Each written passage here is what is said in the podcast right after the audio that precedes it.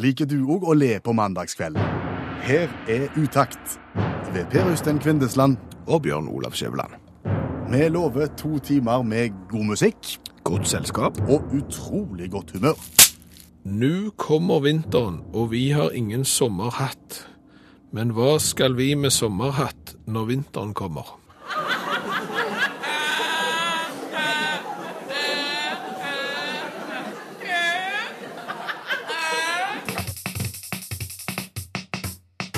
Skulle vi tatt eh, formålsparagrafen før vi går videre? Ja, hvis du ikke har hørt utakt før, eh, så kan vi fortelle det at utakt eh, går hver eneste mandagskveld, og det eneste målet vi har, det er å være godt selskap og, og lage godt humør. Ja.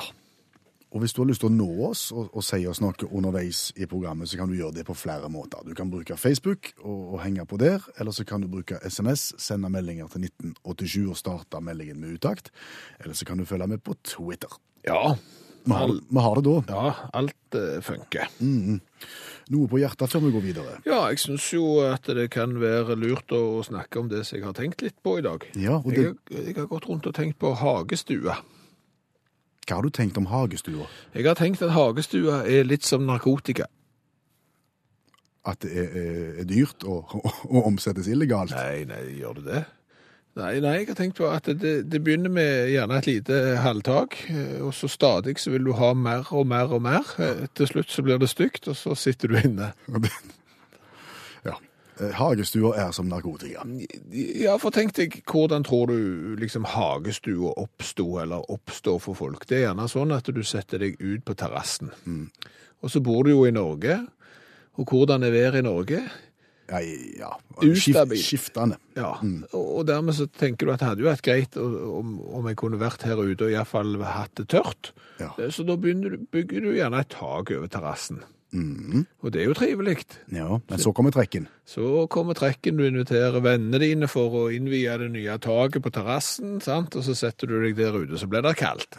Og det trekker. Så deler du ut pledd, og så sier kona at det var fint hvis vi gjerne kunne fått en glassvegg der, sånn at det ble litt lunere. Og så bygger du på en glassvegg. Gjerne bare på nordveggen i første omgang? eller? Ja, for det er der han er. Han er kald fra nord. det er det er ofte kaldt. Det, og så baller det på seg, og da må du ha en ny glassvegg. Ja. Og til slutt så har du glasset inn hele greia. Ja, ja. Og så sitter du der inne i sofaen, som du har tatt ut, for det er jo tørt. ja. Eh, Men, men, men det er jo liksom Litt golfkaldt? Er litt golvkaldt. Det trekker opp de der gamle terrassebordene, så da isolerer du jo unnanifra. Og, og da finner du ut at de der enkle glassveggene som du kjøpte, de, de var jo ikke så varme, de heller. Så da går du for dobbelt isolerglass og ei skyvedør ut, eh, før du da tar et sånn eh, glasstak som jo er fullisolert. Og dermed så har du jo klart å flytte deg sjøl inn ute. Ja. Og da er det jo egentlig det samme som Altså, du har egentlig bare fått flytta stua, på en måte. Ja, for, for du satt inne tidligere, gjerne foran da skyvedøra som førte ut til terrassen. Og så, å, da, nå var det fint ute, nå skulle vi vært ute, men det er litt kaldt, sant? Eh, Og nå sitter du da i den nye ute, inne, inne, utestua, eller hva det blir, og så ser du ut den nye skyvedøra, og så ser du at det, det er jo fint ute, men det er litt kaldt, så vi bare sitter inne. Så du har jo egentlig bare bygd på en ny stue ut på huset, og for, forskjellen med den stua og den gamle er jo at den passer jo ikke. Nei. Og at du har ei drabla tunge dør mellom de. ja, det har du jo, for du har jo den gamle utedøra som nå er blitt innedør. Ja. Det, det, Og den, den er seig å dra sidelengs. ja, men den, den er jo isolert der, og i tillegg så har den sånn varmeelement igjen. Fordi at den var jo egentlig inne da, så du ikke skulle få kuldebro med den der skyvedøra, så den har du jo da inne nå, Ja. med, med ovn på. Men, ja. Og så, og så har du flytta hele greia ut. Men, men, ja, men jeg tenker når du da sitter inne ute, Ja. eller ute inne, alt etter sånn, Ja. og tenker at nå skulle jeg vært ute. Ja. Ordentlig ute. Ja, det er jo der narkotikaen kom inn igjen. For først det som begynte som et tak, og som har blitt til en levegg, og så har blitt til en glassvegg, og så har blitt til full isolert eh, stue ut på huset som ikke passer. Fordi han ble ikke tegnet av arkitekten, han ble tegnet av, på en eller annen avis. Når du da sitter inne ute Ja, det er det jeg sier. i, i den, Og vil ut. ja, så, så setter du deg ut. Ja. For bare da å finne ut at dette kretsløpet gjentar seg jo, for når du da sitter ute, så ser du at det hadde vært greit hvis det var tørt. Ja. Så bygger du jo et halvtak. Ja. Og så finner du ut at det var, at det trakk. Ja. Og da må du ha en levegg. Ja, gjerne på nordsida. Ja. Ja, kan jo den. ja. Og så bygger du en til. Ja. Og til slutt så har du fortsatt, og så har jo den hagestua som du bygde blitt dobbelt så stor, og sånn fortsetter det helt til du stanger mot naboen, og hans hagestua, som jo går motsatt vei, fordi der han hadde terrassen. Og til slutt så sitter begge inne.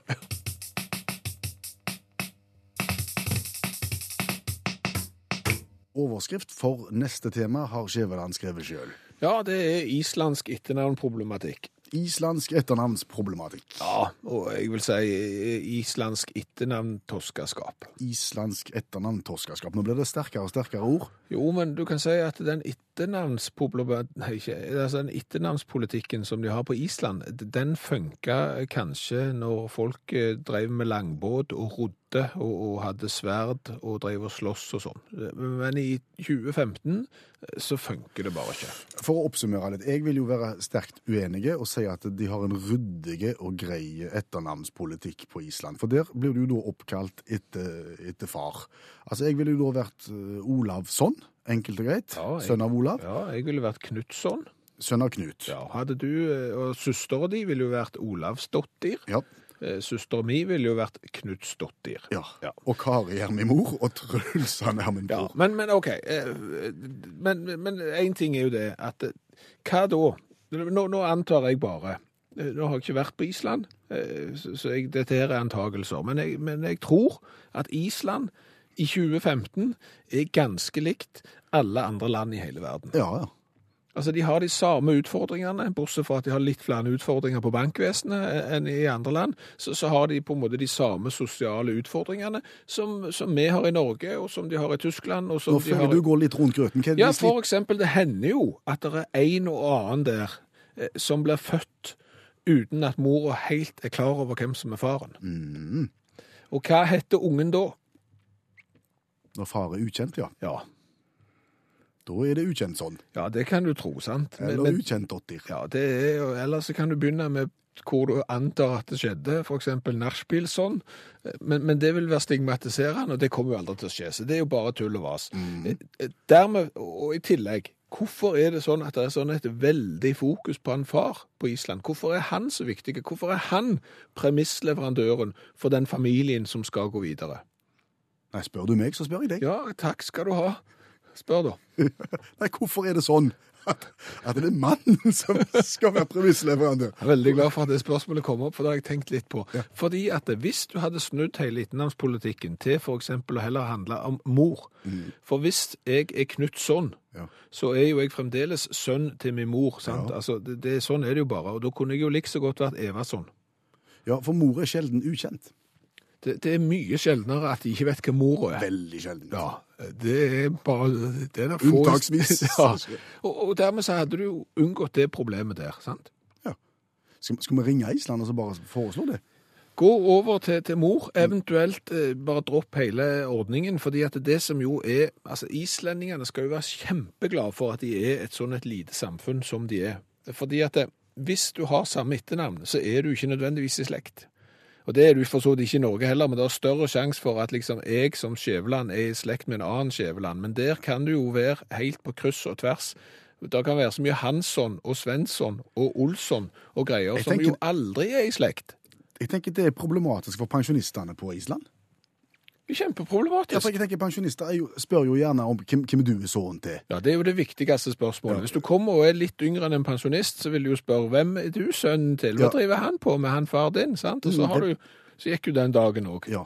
Og det blir ikke så lett når det er så, så, så, så, forskjellig. Nei, Du tar jo vekk et helt samtaleemne på Island. for det at hvem er du sønnen til? Å ja, du er sønnen til Olav, ja. ja det er derfor du heter Olav sånn, ja. ja. Nei vel. Ja vel, god.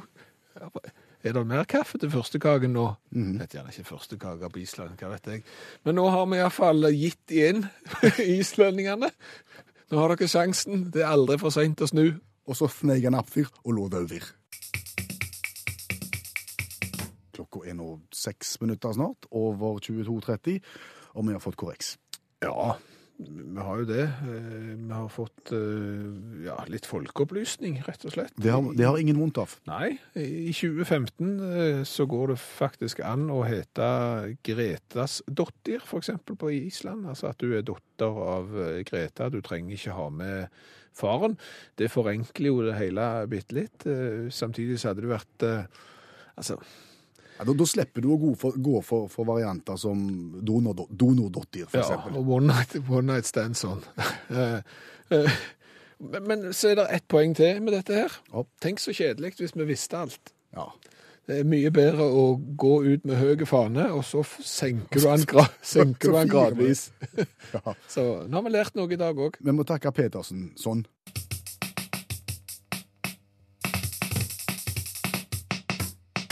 Vi skal slippe til ungdommen.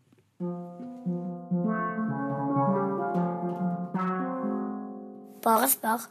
Jeg skal svare. Hilsen Vebjørn, syv år. Vebjørn 7 hjelper Utakt sine lyttere. Det gjør han. Har du et problem, så send det til Vebjørn, og han øser av sin eh, livsvisdom som han har eh, tilegnet seg nå i snart åtte. Det begynner å nærme seg. I juni så er han åtte, mm. men, men det er klart han kan mye. Ja. Og Gunnar fra Hundvåg har sendt eh, Vebjørn et spørsmål i dag, og det handler om vind. Full storm annonseres ofte med bevring i stemmen. Men hvorfor er sterk storm sterkere enn full storm?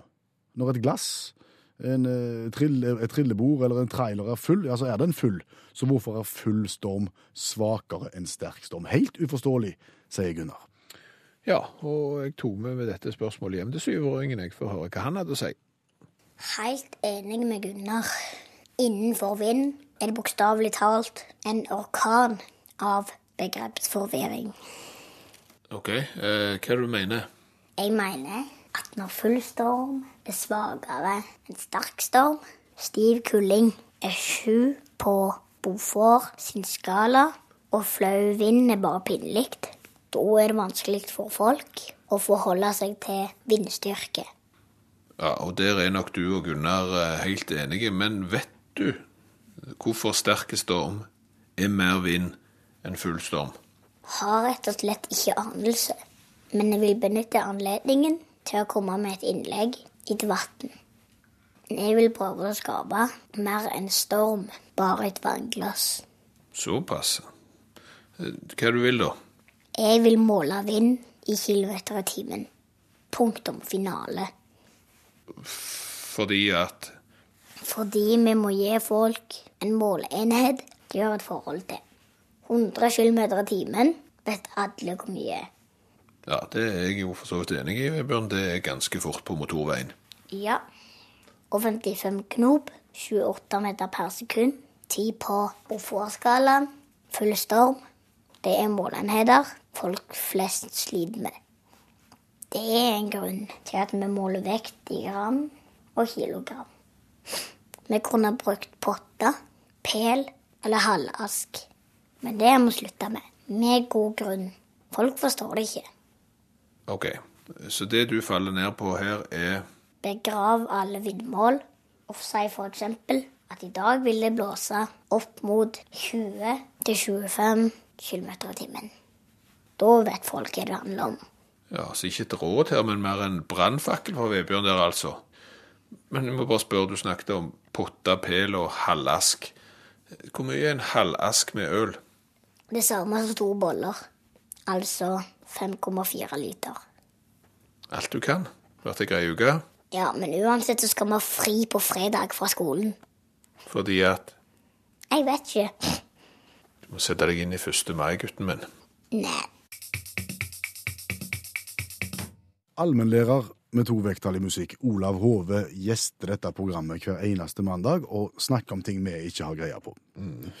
den- Denne uka, forrige uke, så var allmennlæreren i hovedstaden. Ja, han var det. Han var i Oslo i forbindelse med utgivelse av et eh, lærerverk som han har vært med og, og, og skrevet, og da traff han en fyr. Ja, en kar kom bort til han som hadde hørt han mye på radio og sa Hove, du må snakke mer om forskning.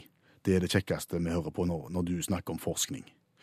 Og Hove eh, har tatt mannen på ordet eh, og har lyst til å snakke om forskning i kveld. Eh, Olav, forskning hva for noe? Er litt forskjellig. Men hvis vi nå går ut på plassen her, og så med en litt stor bår, og så graver vi oss herifra til antipoden vår. Til? Antipoden, det er altså andre sida av jorda. Hvis vi graver oss tvers gjennom jorda med et, et, et, et røyr, La oss sette vi et røyr gjennom det, og så kaster vi oss ned i det hullet. Eh, hvor lang tid vil det da ta å ramle helt til andre sida av jorda, hvis vi detter ned i det røret. Det er jo helt tenkt. Det er det jo ikke mulig. Nei, det er, ikke, det er ikke viktig, men helt siden 1966 så har jo vi som følger litt med på, på, på Schrødingers katt og slikt, visst at det der vil ta 42 minutter og 12 sekunder. Det var ikke mye. Nei, men det går jo unna når du først kommer i seget.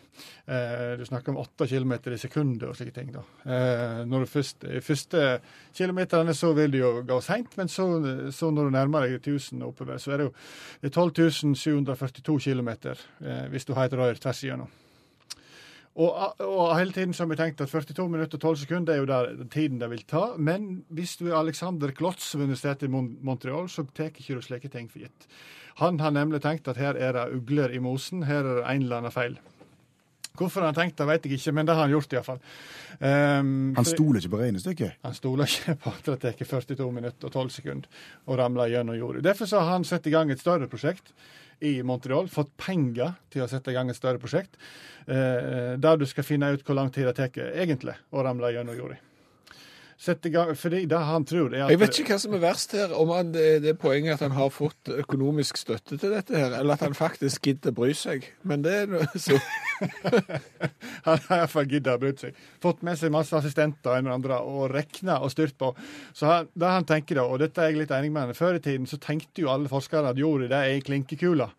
Sant? De hadde hørt på Erik Bye og litt sånne ting, og så hadde de blanda, og så ble det et styr. Sant? Så da tenker jeg at massen på jorda er helt lik, men Klotz han, han, han har funnet ut at massen på jorda han er ikke lik. Det blir masse mer masse de lenger du kommer inn i massen, for å si det på den måten. Og dermed så, så viser det seg at det tar ikke 42 minutter og 12 sekunder å ramle gjennom jorda. Men derimot 38 minutter og 11 sekunder. Ja, det har du. Sant? Ja, og tenk, og der har du plutselig frigjort fire minutter så du kan, jobbe, så du kan bruke på noe annet. Er er mange- blitt, velsigna med fire minutter lenger av livet. Ja, men det er jo altså, for eksempel, det er jo mange gode sanger som er fire minutter, så det er klart at på, på, på din vei gjennom der så har du spart fire minutter, de kunne brukt Ja. på å høre en fin sang før du Så- for. Nå syns jeg ikke du skal tøyse dette vekk. Nå har de funnet ut at det faktisk tar fire minutter kortere enn de først trodde. Ja, Hvis de prøver på det her, så husk på en ting, og det er Klotz veldig tydelig på. For når du kommer ut på andre sida, så har du en helsikens fart, og da er det noe med gravitasjonskreft og noe styr som gjør at, det, at du må prøve å veive voldsomt med armene, for ellers så vil du sannsynligvis bli sugd ned igjen, og så er det på'n igjen. Og ja, så har du 38 minutter pluss 38 minutter pluss 38 minutter, så har du en runddans der, med Ja, mindre du Da har, flakser. da har det gående, så flaksing må til. Og så kan de si at dette her er irrelevant, men Sovjet har faktisk prøvd. Fra 1970 til 1989 så prøvde de å grave seg så langt ned de kom. Hvordan kommer de på 19 år? 12 km. Eller 0,1% av hele veien.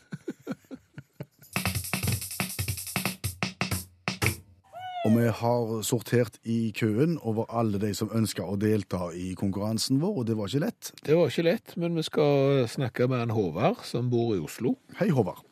God kveld, god kveld. I kveld var det din tur. Ja, det var det. Ja, har du hørt konseptet før? Det har jeg. Da vet du hva det går i. Eh, For deg som hører radio som ikke kjenner til det, så skal Skjæveland nå kjapt gå gjennom reglementet for uttaktskonkurranse. Ja, i hånda mi holder jeg ei sennepsgul spørrebok fra 1975, barnas egen spørrebok. Håvard han velger et vilkårlig sidetall i boka, og et vilkårlig spørsmål. Svarer han rett, så får han gladjodling. Svarer han feil, så får han tristjodling. Men uansett så skal han få utakt-T-skjorte med V-hals. Yes. Skal vi bare gå i gang, Håvard, og velge et sidetall? Strålende. Vi prøver på 30, da. Ja, det er omtrent midt i boka, det. Da er jeg spent på overskriften. Ja, det er jeg òg, og nå er jeg framme, og jeg kan fortelle hva det står. Det er fra religionstimen. Det er 25 spørsmål fra religionstimen. Oi, oi, oi. Oi, oi. Har du et forhold til 1975? Var du, hadde du religionstime i 1975? Da var jeg minus ti år. Minus ti år, ja. Ja. Men, men, men det er vel ting som tyder på at uh, ting i religionstimen ikke har forandret seg så veldig, så, så det er jo håp her. Nei, det er jo fint, da. Politikken i 1975 er nok verre, tenker jeg. Ja, Det er kanskje et mørkere kapittel hvis du var minus ti år. eh. Eh, hva for et nummer vil du ha? Hvilket spørsmålnummer? Uh, fem? Fem skal bli. Ja. Hva kalles den jødiske helligdag? Sabbat?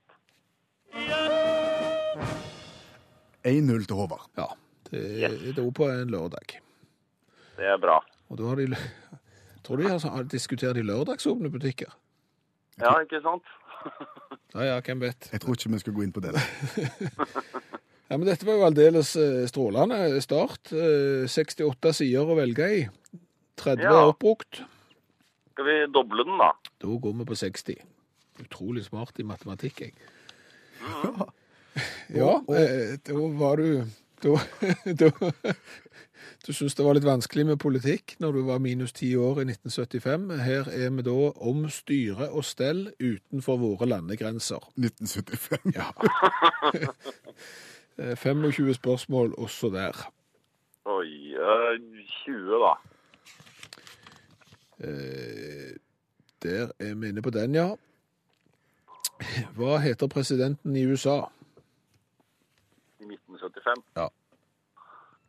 Uh, er det Bush uh, senior? Oi, det kom trist jodling. Ja, nei, det, det, det var ikke det. Uh, skal vi Er det peanøttbonden? Nei, nei, det er ikke peanøttbonden heller. Nei. Eh, det, er, det er han som Altså Han han er oppkalt etter en bil. Ford? Ja. Gerald Ford. Ja. Skal få for den. Ja, ja. Og peanøttbonden var Carter. Det var Jimmy ja Carter. ikke ja. sant. Ja. Nei, men det var fint. Strålende, det. Eh, hva gjør eh, Håvard på en eh, kveld som dette i Oslo, annet enn at eh, nå svarer du på konkurranse på radioen, så, men bortsett fra det? Nei, jeg er jo egentlig på vei i seng. ja Ok. men da, skal vi, da skal vi kvikke oss litt. Så skal ikke vi holde deg våken? Nei. OK, takk for i kveld. Det blir sittende og høre på dere i hvert fall tre kvarter til, da. Ja, men det er bra. Det er bra. Da må vi ta et siste spørsmål her, over. Hva side skal vi ta? Uh, ta 45, da. Det Veldig eh, sånn systematisk du går til verks. 30, Ja, doble til 60, halvere til 45 igjen. Hva, hva, hva yrkestittel har du, Håvard? En gang til. Hvilken yrkestittel har du? Hva driver du med? Eh, tømrer. Tømrer. Da har du et forhold til mål og hele tall. OK. Ja. Den justerte 2-4, hvor mye er det den er? Eh, 48, 98. Ja, jeg har det. Jeg kan ikke, jeg kan ikke arrestere deg, for jeg bare Du bare slengte litt. det er, det er, glad, det er gladjodling på den. OK. Det der, ja. Det er bra. Vi skal fra sjø og land, Ja. og der er det 23 spørsmål å velge i. Prøve 23, da. Ja, hva vil det si at et skip går i trampfart? Trampfart. Ja. Tallmaskin. Eller Oi. Nei. Nei, det er ikke det. Hva er trampfart? trampfart. Jo, nei, du. Kan det være fast rute? Var det fast rute? Ja. Eh, Hvis du tenker motsatt av fast. Ufast. Ja, veldig bra. Når du går i trampfart, så går du i ufart. Ja, du, du følger tilfeldige ruter, da. Det bestemmes av hvor lasten skal hentes, og hvor den skal sendes. Og så bare Ja, drar du der. Så det, det var det. Da har vi lært noe. lærte jeg noe i kveld òg. Ja, opptil flere ting. Det og Gerald Ford, han var president i USA i 1975. 1975. Ja. Og sabbaten, den kunne vi fra før. Så skal vi fortsette med coladugnaden vår. Det er spennende greier. Det er spennende greier, for det er jo nemlig sånn at verden er full av ulike colatyper, og du er gjerne ikke i stand til å smake alle, men vi har satt mål av oss til å være det radioprogrammet i Norge som har smakt på flest typer cola i løpet av et år. Og det kan vi gjøre fordi at du som hører på Utakt, sender oss mengder av cola, og det setter vi stor pris på. Vi får cola fra hele verden. Og i dag så skal vi eksotisk av gårde. Coca Kina, eh, en boliviansk eh, Coca-Cola. Og det er jo sånn, altså, hvor mange ganger, Per Øystein, har du liksom ikke vært i Bolivia? Og så har du stått der mellom eh, panfløytende eh, spillende folk i, i poncho og lurt skal jeg drikke Coca-Kina, eller skal jeg feige ut og ikke ta sjansen og, og ta en Pepsi eller en Coca-Cola? Årlig opplever jeg det. Ja. Det er en kjempeutfordring. Ja, og det er jo en utfordring som annet eh, Trygve Michaelsen har hatt. Eh, Han var på speidertur. Jeg var ikke på speidertur, jeg bare tuller. Han var på konfirmasjonstur i Bolivia nå i påsken sammen med konfirmanter som hadde et fotballprosjekt der nede. Og, og, og dermed så fant han jo Coca-Kinaen. Og tok han med hjem til oss. Tok han med hjem til oss, ja. Det er litt å stutte flaske. Ja, det, det, det, men, men altså, for å si det sånn, bolivianerne, de, de som lager Coca-Kinaen, de holder til i El Alto i Bolivia, og de har en forkjærlighet for å variere dette her i utallige flaskevarianter. Altså, ja, ja, den her er 0,33. eh, Plastflasker får du helt opp i 3 liters varianter. Du har 2,5, du har 0,65. Du har da glassflasker på 0,25. Er- Altså, hvis du ikke finner den Coca-Kina-størrelsen som passer til deg, så er det deg det er noe galt med, Men- ikke Coca-Kina. Men det er bare Coca-Kina oppi det samme smaken. Ja, ja, det samme smaken, ja da. Det, det er en familiebedrift eh, som begynte med dette her for 45 år siden, og har, har bygd seg opp til å nå være 23 ansatte som lager Coca-Kina. Nå er vi spente. Nå må vi smake på den. For nå skal vi gi karakter, sånn som vi har gitt til alle de andre colatypene vi har prøvd i, i løpet av denne vinteren og våren. Ja. Og skal vi beskrive flasker som vi nå åpner, så er jo det ei plastflaske som ikke er så spesiell, men etiketten er litt rar. fordi at det, det står Coca-Kina med grønt på gult, og så er det meste rødt, og så har de plassert et dådyr der. Ja. Det er jo typisk boliviansk. Kunne jo hatt en lama eller en alpakka eller noe, men OK, sånn er det. Og det vi gjør nå, nå smaker vi først, og så gir vi karakter. Eh, poengsum fra 1 til 10, begge vi to. Og så ser vi på det som heter kulhetsfaktor etterpå. Eh, spørsmålet om du vil bli sett med en Coca-Kina i hånda, og gir poeng i forhold til det. Men nå først, altså, smak. Den lukter mye. Boy. Det, Til våre bolivianske venner. Dette var ikke bra. Nei. Men altså, for å si det sånn, altså, dette, er jo, dette er jo en befolkning som gjerne bor 3000-4000 meter over havet. Og det er klart, Der og der, der er jo lufta litt tynnere der oppe. Sånn at det, Og så vet jeg òg at han er ganske billig, den her. Du må, du, må ikke, du må ikke trekke en formildende omstendighet. Han smakte ikke godt. Nei, jeg, jeg, det, jeg gjorde ikke det. Han smakte nesten litt sånn metall. Jeg smakte såpe. Såpe og metall. Nei, Nei, Coca-Kina, terningkast to fra meg. Ja, det er vel OK. Jeg kan være med på den, under tvil. To til deg, to fra deg. 2-2. Sånn der, ja. Da har vi så langt fire poeng i smak. Så var det kulhetsfaktoren, da. Ja. Nei, altså, den, den er Den er helt på det jevne. Ja.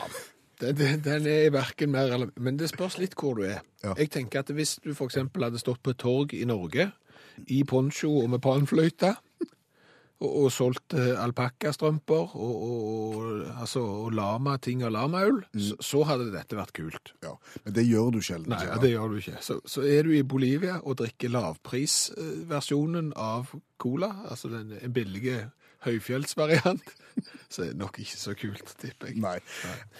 Så det ble to der òg. Ja, jeg strekker meg til en trier. OK, greit. Da ender vi vel opp på ni totalt, da gjør vi ikke det? Det er lite. Det er uhyre lite for Coca-Cola. Og jeg tenker han som kommer hjem med en treliters dunk. Nå skal vi snakke om noe vi ikke har snakket om før. Ja. For nå skal vi snakke om Og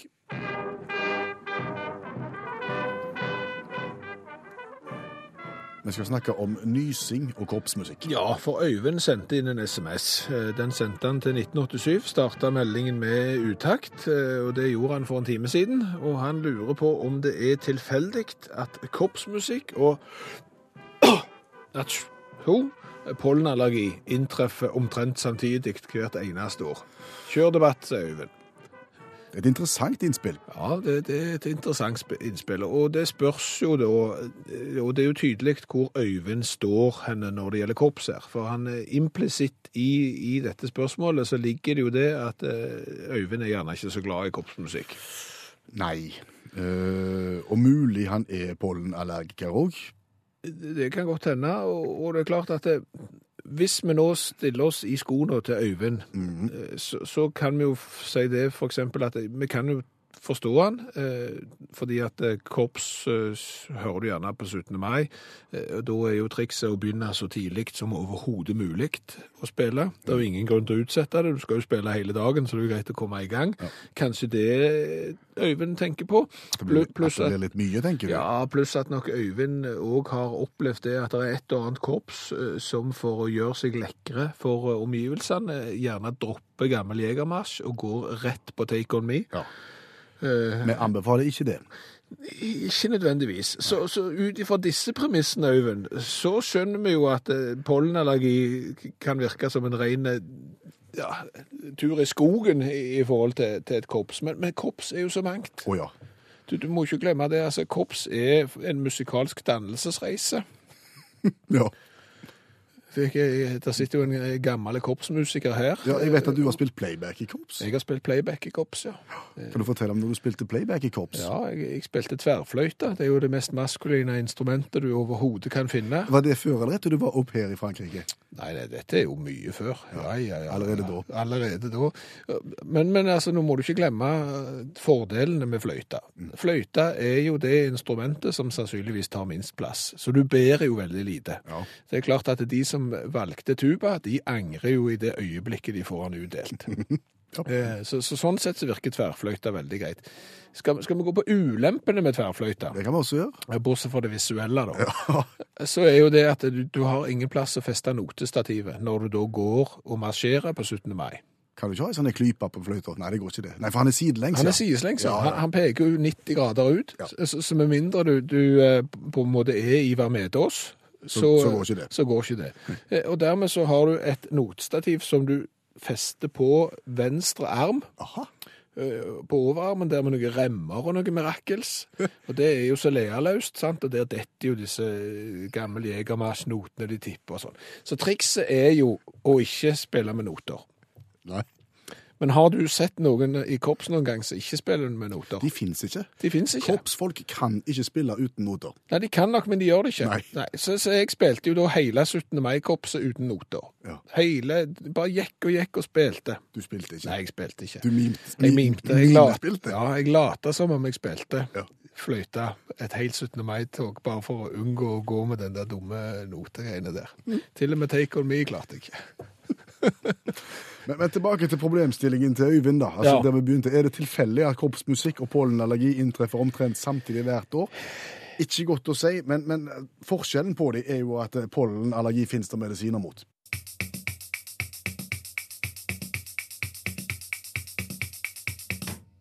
Og programmet for deg som liker å høre allmennlærer med to vekttall i musikk, Olav Hove, da, Hove foredrar om ø, ny, eventuelt gammel, men eh, interessant forskning.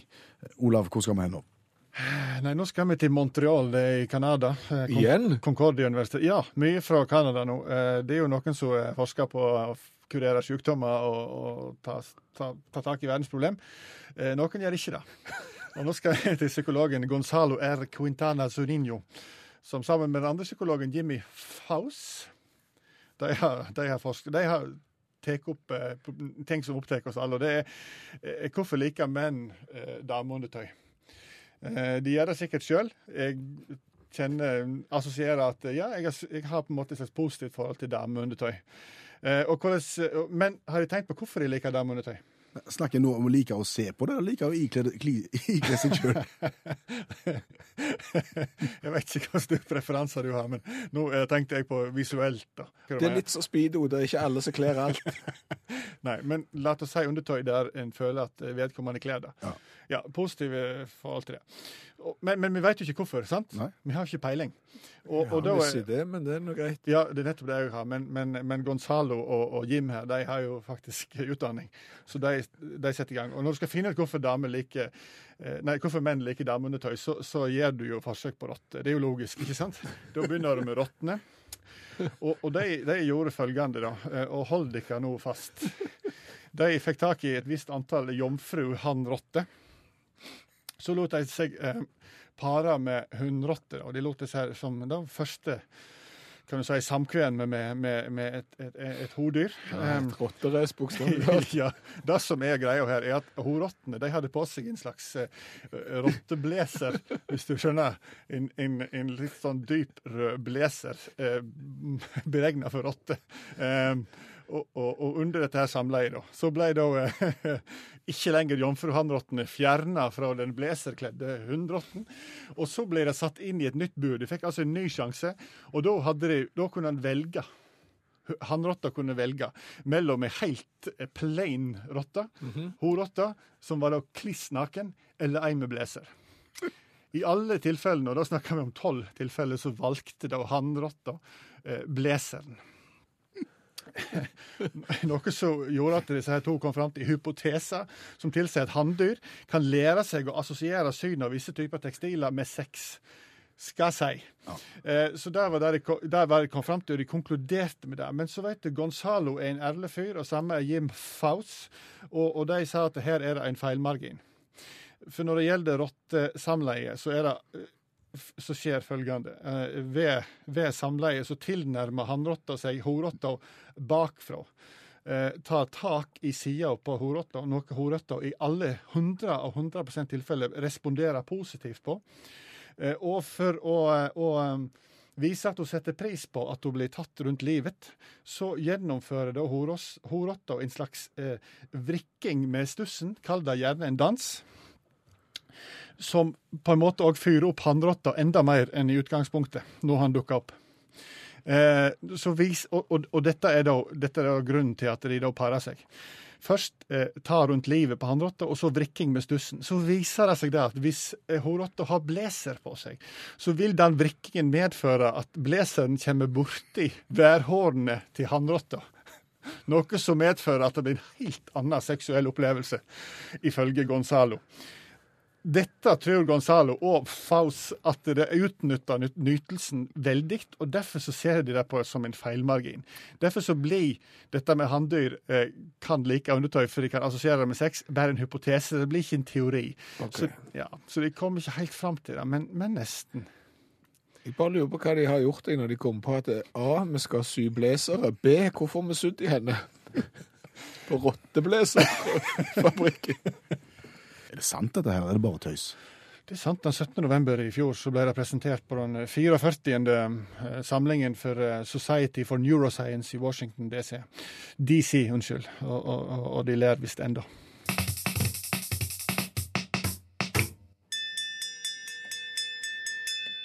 Utakt leser høyt fra boka 'Norges morsomste vitser'. De beste vitsene fra NM i humor. En mann kom til prestekontoret for å melde sitt barn nummer sju til dåpen.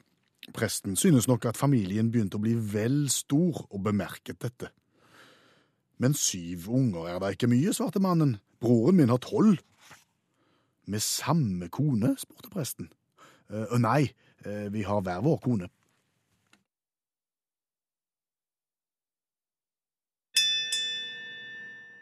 Du har hørt Utakt lese høyt fra boka 'Norges morsomste vitser'. De beste vitsene fra NM i humor. Vi må si tusen takk for oppmerksomheten. Det har vært en fest i kveld også. Masse innspill, masse tilbakemeldinger. Det er kjekt å lage radio i godt selskap. Ja.